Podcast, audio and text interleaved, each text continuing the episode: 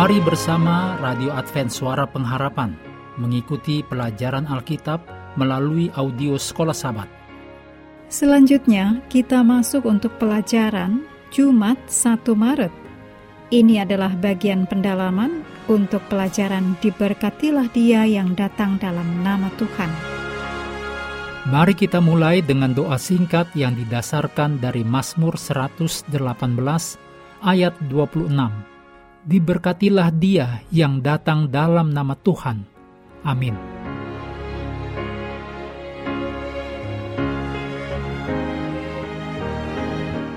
Anda silahkan membaca tulisan Ellen G. White, judulnya Allah menyertai kita, di halaman 13-21 dalam Alfa dan Omega Cilik 5. Sebagai doa-doa Kristus dan doa-doa tentang Kristus, Kitab Mazmur memberikan wahyu yang unik tentang pribadi Kristus dan pelayanan penebusan dari Dia yang adalah Allah menyertai kita, seperti yang dicatat dalam Matius 1 ayat 23. Yesus adalah Allah menyertai kita dalam doa pergumulan karena ditinggalkan dan menderita.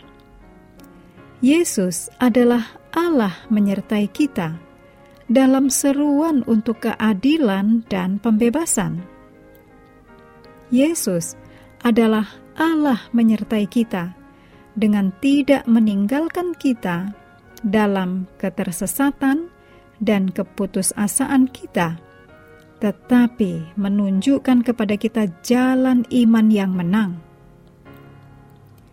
Yesus menjadi imam dan raja yang kekal bagi kita untuk menyelamatkan kita dari malapetaka dosa yang kekal. Di dalam Kristus, Raja keturunan Daud yang sempurna, semua janji keselamatan Allah yang sungguh-sungguh digenapi. Dicatat dalam 2 Korintus 1 ayat 20. Ellen G. White secara mendalam menggambarkan kesatuan Kristus dengan kemanusiaannya – seperti yang ditulis dalam buku Alfa dan Omega, jilid 1, halaman 19 dikatakan, dengan kemanusiaannya, Kristus menjamah manusia. Dengan keilahiannya, Kristus berpegang pada tahta Allah.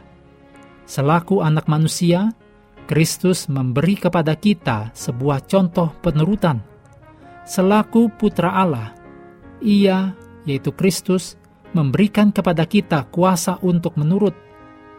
Kristuslah yang dari belukar di bukit Horeb dahulu berfirman kepada Musa, Aku adalah aku.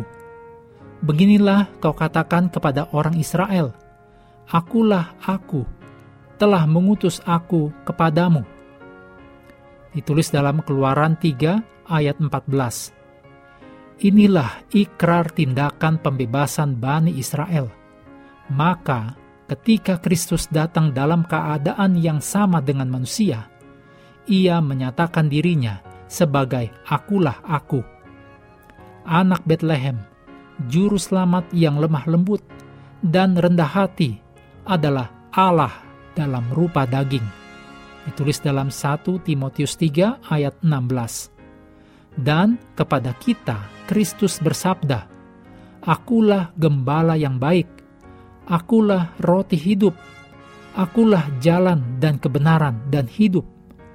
Kepadaku telah diberikan segala kuasa di surga dan di bumi.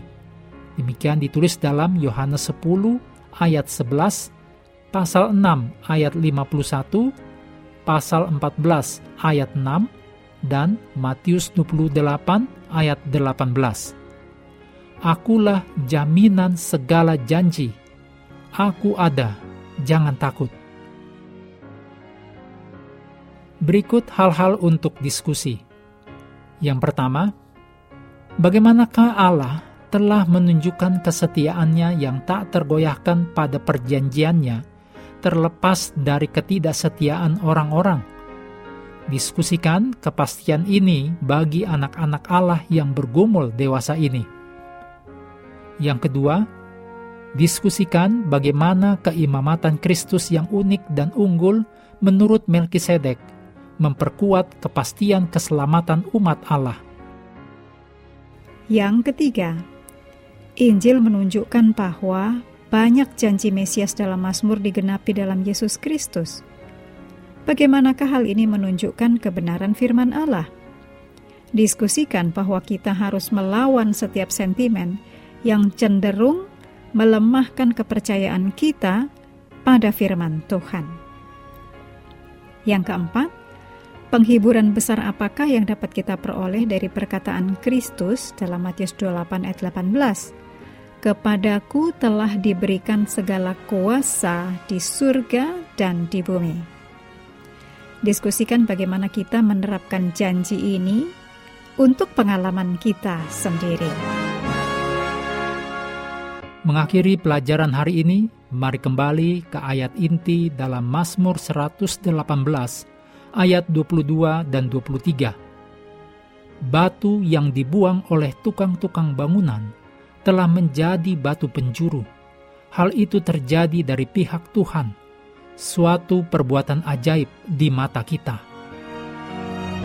Kami terus mendorong Anda mengambil waktu bersekutu dengan Tuhan setiap hari, baik melalui renungan harian, pelajaran sekolah sahabat, juga bacaan Alkitab sedunia, percayalah kepada nabi-nabinya, yang untuk hari ini melanjutkan dari Yeremia 33 Tuhan memberkati kita semua.